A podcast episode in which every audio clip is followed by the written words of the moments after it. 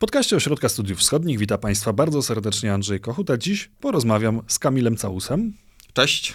Tematem tej rozmowy będzie strefa Schengen, a konkretnie fakt, że w tej strefie Schengen nie znalazła się Rumunia i Bułgaria, mimo że państwa te no, miały odpowiednie zgody przede wszystkim Parlamentu Europejskiego i Komisji Europejskiej, podobnie jak Chorwacja, która już od 1 stycznia tego roku jest częścią strefy Schengen.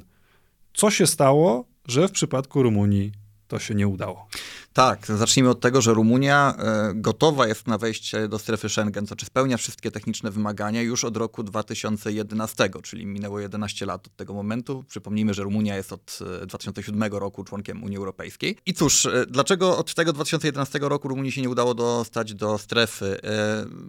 Istniał szereg państw, ta grupa topniała z każdym rokiem, ale mimo wszystko w Unii Europejskiej, które mm, sprzeciwiały się akcesji Rumunii, zwracając uwagę na problemy tego kraju z praworządnością szeroko pojętą, z korupcją, z praworządnością, z wymiarem sprawiedliwości. Tutaj trzeba zaznaczyć, że od momentu wejścia do Unii Europejskiej Rumunia objęta była, zresztą razem z Bułgarią, tak zwanym mechanizmem e, koordynacji i weryfikacji. Generalnie idea była taka, że mm, Rumunię i Bułgarię przyjęto do Unii Europejskiej w pewnym wymiarze warunkowo. Znaczy stwierdzono, słuchajcie, jest kilka rzeczy, które musicie zdecydowanie poprawić w waszym wymiarze sprawiedliwości, ale przyjmujemy was, e, tylko że będziemy monitorowali wasze postępy w reformach tego e, sektora, tak żebyśmy mogli się dokładnie przyjmować, czy to, przy, przyglądać, czy to idzie w dobrą stronę. I e, generalnie istnienie czy funkcjonowanie tego mechanizmu CVM było dla różnych państw Unii Europejskiej, w tym przede wszystkim Holandii, takim argumentem, że no cóż, dopóki to jest to ciąży na Rumunii, no to Rumunia generalnie nie powinna wchodzić do, do strefy Schengen. Czyli nie miało to już później związku z takimi technicznymi parametrami dotyczącymi samej ochrony granic, bezpieczeństwa wewnętrznego, e, tych parametrów, które Rumunia musiała spełnić, żeby do strefy Schengen dołączyć, ale argument był raczej, no, powiedzielibyśmy, polityczny. To znaczy państwa zachodnie e, widziały w tej kwestii dotyczącej rumuńskiej praworządności skuteczny argument, żeby tej Rumunii do strefy Schengen nie wpuścić. Tak, tak, to było bardzo polityczne, bo różnego rodzaju instytucje unijne oraz państwa, które popierały akcesję Rumunii, no i sama Rumunia rzecz jasna, argumentowały, że przecież CVM, e, czy w ogóle tak funkcjonowanie wymiaru sprawiedliwości, no nie jest bezpośrednio związane z, e, ze strefą Schengen. Strefa Schengen, czy też przyłączenie do strefy Schengen warunkowane jest e, skutecznością ochrony granic, tak, tego typu rzeczami, kontrolą nad, nad przepływem ludności, ale nie samym wymiarem sprawiedliwości. Natomiast to były państwa, które z przyczyn politycznych, wewnętrznych często yy, blokowały akcesję Rumunii. No tak było na przykład z Holandią właśnie, z Niderlandami, które yy, tą sprawę w dużej mierze że rozpatrywały pod kątem wewnętrznym, czy sprzedawały pod kątem wewnętrznym. Tak? Migracja do Holandii z nowych państw członkowskich Unii Europejskiej jest relatywnie duża. To się spotyka z różnym odbiorem e, Holendrów. No i tutaj jakby spowalnianie czy przyhamowywanie integracji Rumunii, wstępowanie tego kraju do Schengen jest takim elementem, który właśnie wewnątrz się pokazuje jako próbę ochronienia Holandii przed e, niekontrolowanym napływem ludności romskiej chociażby. Tak?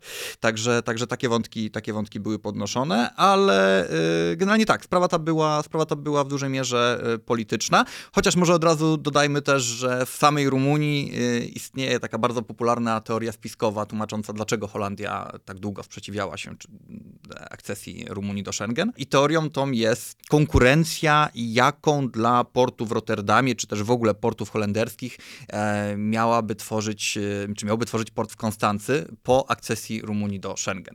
E, to jest naprawdę bardzo żywa teoria, jeżeli jeżeli e, ktoś z słuchaczy wybierze się do Rumunii i zapyta takiego przeciętnego Rumuna, to prawdopodobnie ją usłyszy.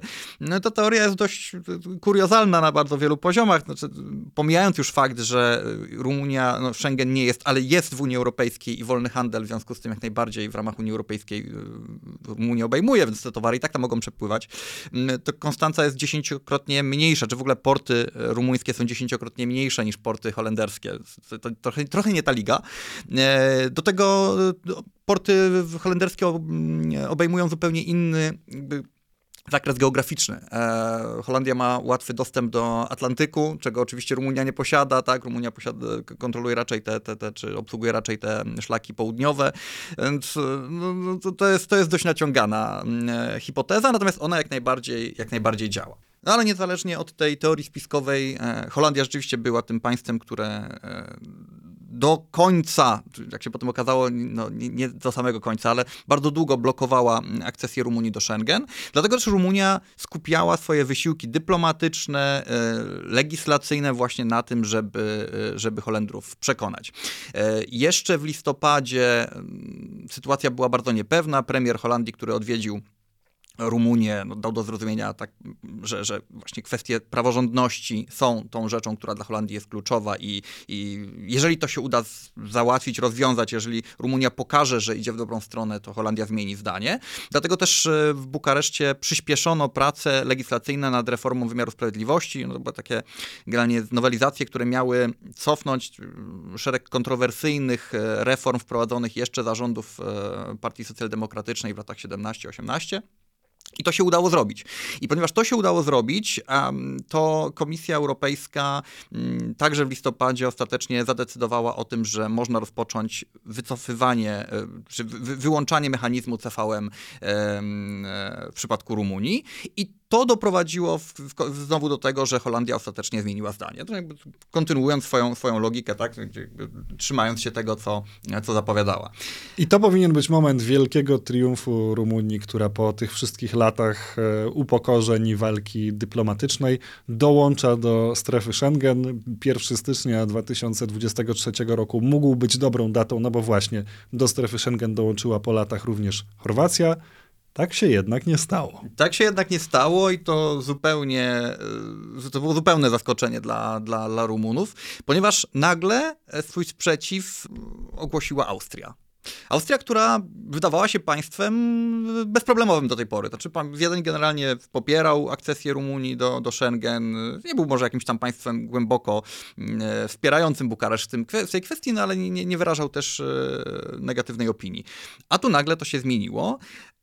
Wiedeń argumentował, co zresztą zaskoczyło Rumunów jeszcze bardziej, że e, no cóż, moment na rozszerzenie strefy Schengen nie jest odpowiedni, ponieważ mierzymy się z kryzysem migracyjnym, a przez Rumunię, e, a potem Węgry do e, Austrii docierają dziesiątki tysięcy nielegalnych migrantów. No cóż, ten zarzut może byłby i zasadny, gdyby był prawdziwy. Ani instytucje unijne, ani sami Rumuni nie odnotowują jakichś szczególnie dużych fal migrantów przechodzących przez Rumunię. Faktycznie migranci przechodzą przez Bułgarię, potem docierają do Serbii, następnie na Węgry i tak ten szlak jest skonstruowany. Natomiast e, przez Rumunię Mm, żadne większe fale migracji nie przechodzą. Ci, którzy tam się znajdują, są wyłapywani. Sami Rumuni szacują, że no być może jakieś 3% tych wszystkich migrantów, którzy e, docierają do Austrii jako nierejestrowani migranci, przechodzi przez Rumunię. E, no wystarczy spojrzeć na mapę, żeby zobaczyć, że to nie jest najłatwiejsza trasa, bo żeby dostać się z Bułgarii przez Rumunię na Węgry i dalej do Austrii, trzeba przejść, przejść przez Karpaty. No a umówmy się, są chyba łatwiejsze drogi. Poza tym i tak mamy do czynienia właśnie z kontrolami celnymi, najpierw, czy kontrolami granicznymi, najpierw Bułgarii, a potem a potem w Rumunii, więc trzeba jakoś te, te, te szlaki ominąć. E, więc, więc Rumunia tutaj była bardzo zaskoczona i bardzo głęboko rozczarowana i oczywiście zaczęła się też doszukiwać e, realnych powodów za, za taką decyzją Austrii. Mm, e, różne pomysły się pojawiały, zresztą tak naprawdę do tej pory nie jest to jasne, ale też się wydaje, że Wiedeń podjął taką decyzję ze względów wewnątrzpolitycznych i to, to, była, to była główna motywacja.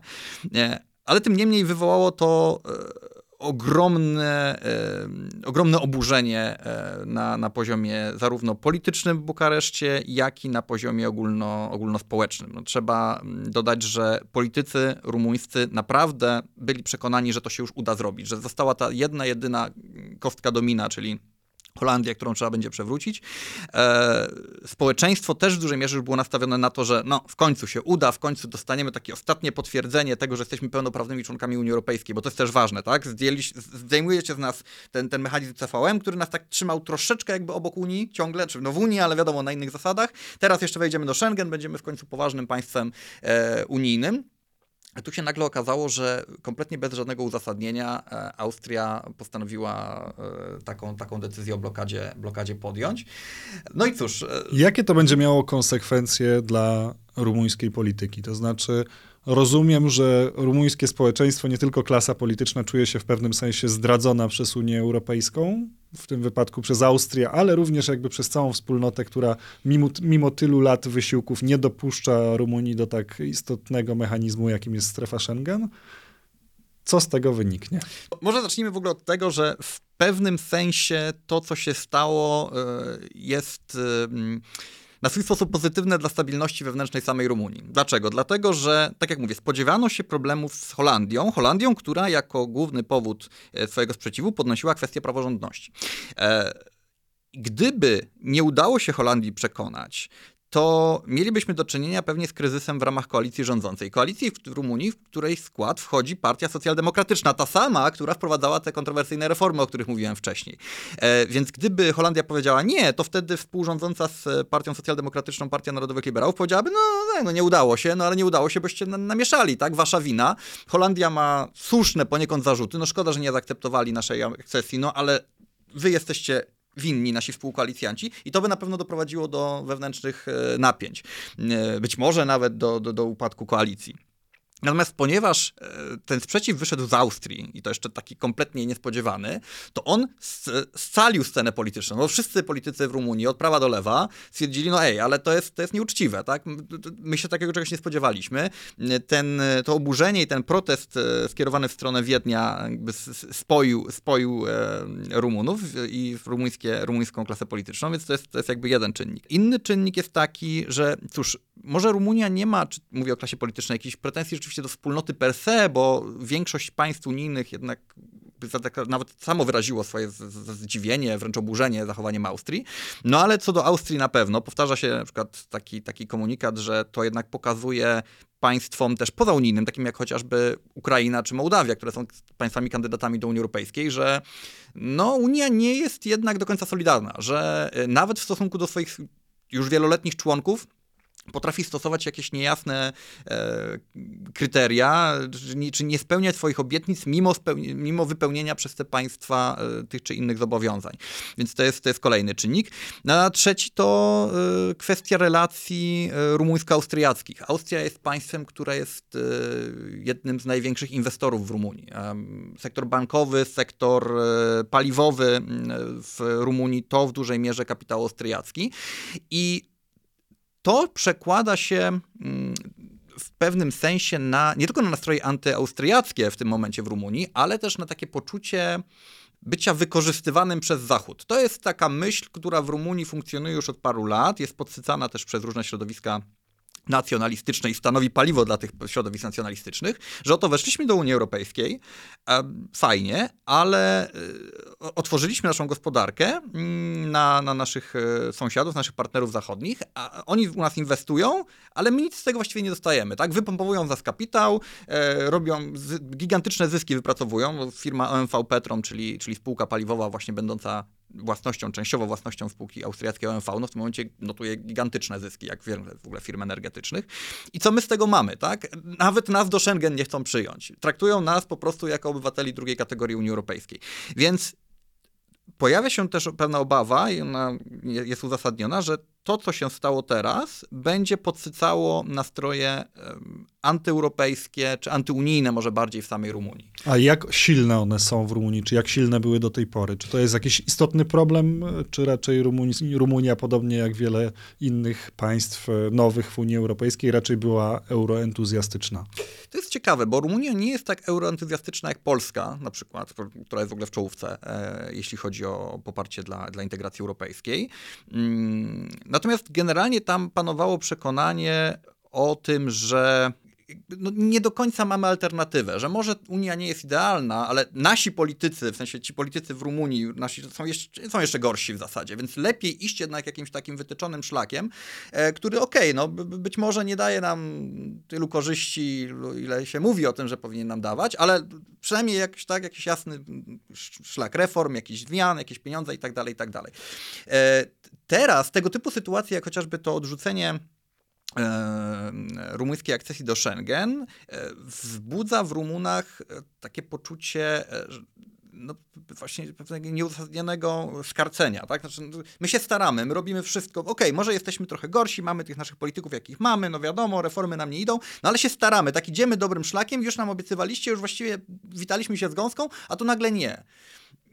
I to sprawia, że rośnie takie poczucie dumy wynikające z poczucia skrzywdzenia. O, mniej więcej w ten sposób mówiąc. Zresztą tego typu nastroje, one się przekładają na scenę polityczną. To, że mamy w rumuńskim parlamencie od ostatnich wyborów partię AUR, czyli partię Związek Jedności Rumunów, które jest partią nacjonalistyczną, e, eurosceptyczną, no to nie jest przypadek, tak? To właśnie wynika z tych nastrojów. E, I teraz, jak rozumiem, istnieje mhm. potencjał, żeby taka partia jak AUR jeszcze urosła, jeszcze zyskała na sile kosztem tych partii establishmentowych, czy partii mainstreamowych, które do tej pory dążyły do tego, by tą Rumunię jak najbliżej z Unią Europejską zintegrować. To raz, a dwa, to też sprawia, że e, te partie mm, mainstreamowe także zaczynają delikatnie uderzać w takie nuty um, nazwijmy to euroasertywne, niekoniecznie eurosceptyczne, bo nikt nie mówi o wychodzeniu z Unii Europejskiej, natomiast e, zaczyna się mówić właśnie o tym, że może trzeba być bardziej stanowczym w stosunkach z partnerami z, e, unijnymi. No i takim przejawem e, tego typu nastrojów była deklaracja posła Raresza Bogdana, to jest jeden z takich czołowych europosłów e, rumuńskich z, z PNL, czyli z Partii Narodowych Liberałów, który w październiku w Parlamencie Europejskim wystąpił z takim płomiennym przemówieniem bardzo kontrowersyjnym, pytając retorycznie, co jeszcze Rumunia musi zrobić, żeby zostać przyjęta do Schengen. Może przyjdzie nam zablokować e, ruch towarowy z, w domyśle na przykład ukraińskie zboże, tak, jadące do Europy, bo co innego nam, co, co innego możemy zrobić tak naprawdę, tak? Oczywiście to było, mówię, pytanie retoryczne wynikające z takiej już rozpaczy, ono zresztą potem zostało złagodzone przez prezydenta Johannisa, który też jest związany z tą samą partią co Raresz. E, no nie no, pan poseł pewnie troszeczkę przesadził, ale generalnie to pokazuje, że, że jest pewna irytacja, że jest pewne niezrozumienie dla polityki e, części państw unijnych. Dlaczego, dlaczego Rumunia nie dostaje tego, co, co powinna dostać?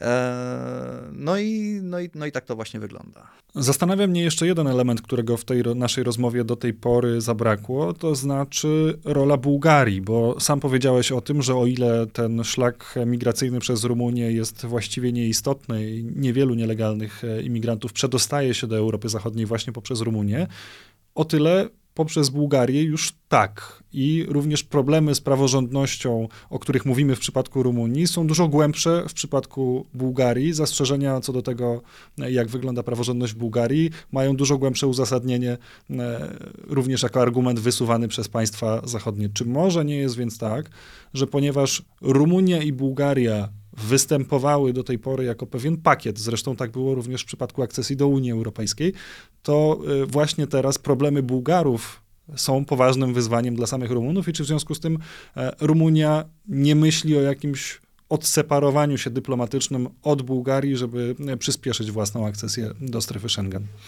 Tak, rzeczywiście Bułgaria jest w dużo trudniejszym położeniu niż Rumunia. Tam nie chodzi zresztą tylko o praworządność i o kwestie migracji, ale nawet o kwestie e, zorganizowanej przestępczości. Bułgaria radzi sobie dużo gorzej niż Rumunia. Akurat Rumunia w tym względzie nie ma problemów. No i niestabilność polityczna jest nieskończenie większa. Znaczy w Rumunii generalnie od e, początku lat 90. Nie, nigdy nie mieliśmy do czynienia z przedterminowymi wyborami na przykład. Natomiast, chociaż rządy się zmieniają. Natomiast w Bułgarii, no wiemy jak wygląda w tym momencie sytuacja polityczna. Rumunia generalnie wychodzi z założenia, że e, lepiej domagać się akcesji, czy walczyć o akcesję do Schengen razem z Bułgarią, co wynika między innymi z takiej polityki no, polityki dobrosąsiedzkiej, tak? To lepiej wygląda, tworzy lepszą glebę dla relacji z Bułgarią, e, pozwala też wzmacniać argumenty rumuńskie. Zresztą mam też wrażenie, że trochę idea jest taka właśnie, że Rumunia po prostu lepiej wygląda na tle Bułgarii. I że Bukareszt ma w razie czego nadzieję, zresztą poniekąd słuszną, że jak przyjdzie co do czego, no to Pewnie i tak można przyłączyć Rumunię bez Bułgarii, bez Bułgarii a to tło bułgarskie powoduje, tak że jest. Rumunia prezentuje się jako bardziej wiarygodny tak kandydat. Rumunia będzie mogła wtedy powiedzieć, no słuchajcie chłopaki, chcieliśmy, no ale e, no, wiecie jak jest. Także, także to stąd, stąd wynika. Pojawia się taka dyskusja, rozmawia się o tym na, na poziomie publicznym, w mediach, czy właśnie nie należałoby sobie darować i próbować iść samemu w tym kierunku, ale generalnie póki co nie. E, szczególnie, że tak jak mówię, że wiele argumentów, które stosuje Rumunia, można też zastosować do Bułgarii i to wzmacnia tak naprawdę ten, ten przekaz. Natomiast ciekawostką jest tutaj stanowisko innego sąsiada Rumunii, czyli Węgier. Węgier, które jak wiemy mają skomplikowane i chłodne relacje z Rumunią, ale akurat w tym wypadku mm, zarówno Orban, jak i w ogóle większość klasy politycznej węgierskiej jednoznacznie opowiada się za tym, żeby Rumunię do Schengen przyjąć, e, co swoją drogą traktowane jest w Bukareszcie dość dwuznacznie. Znaczy z jednej strony oczywiście to miło, że Węgry wspierają taki, taki pomysł, z drugiej strony e, czyta się to i zresztą skądinąd słusznie jako krok próbę... w kierunku Wielkich Węgier? No, to jest może wielkie słowo, ale trochę tak. Znaczy chodzi o to, żeby w ten sposób doprowadzić do zniesienia granicy, e, czy kontroli granicznej między Węgrami a Rumunią, między Siedmiogrodem a, a, a Węgrami, co ułatwi przepływ ludności, także ludności węgierskiej do chociażby Seklerszczyzny, czy na Seklerszczyznę i z powrotem, tak? Także jakby to, to jest tak postrzegane. No ale sojusznik to sojusznik, więc e, Rumuni to przejmują z dobrodziejstwem inwentarza. Bardzo Ci dziękuję za tą dzisiejszą rozmowę. Kamil Całus był gościem podcastu Ośrodka Studiów Wschodnich. Dzięki serdecznie. Ja nazywam się Andrzej Kochut i bardzo dziękuję za wysłuchanie tego podcastu. Wysłuchali Państwo podcastu Ośrodka Studiów Wschodnich. Więcej nagrań można znaleźć na stronie www.osw.waw.pl.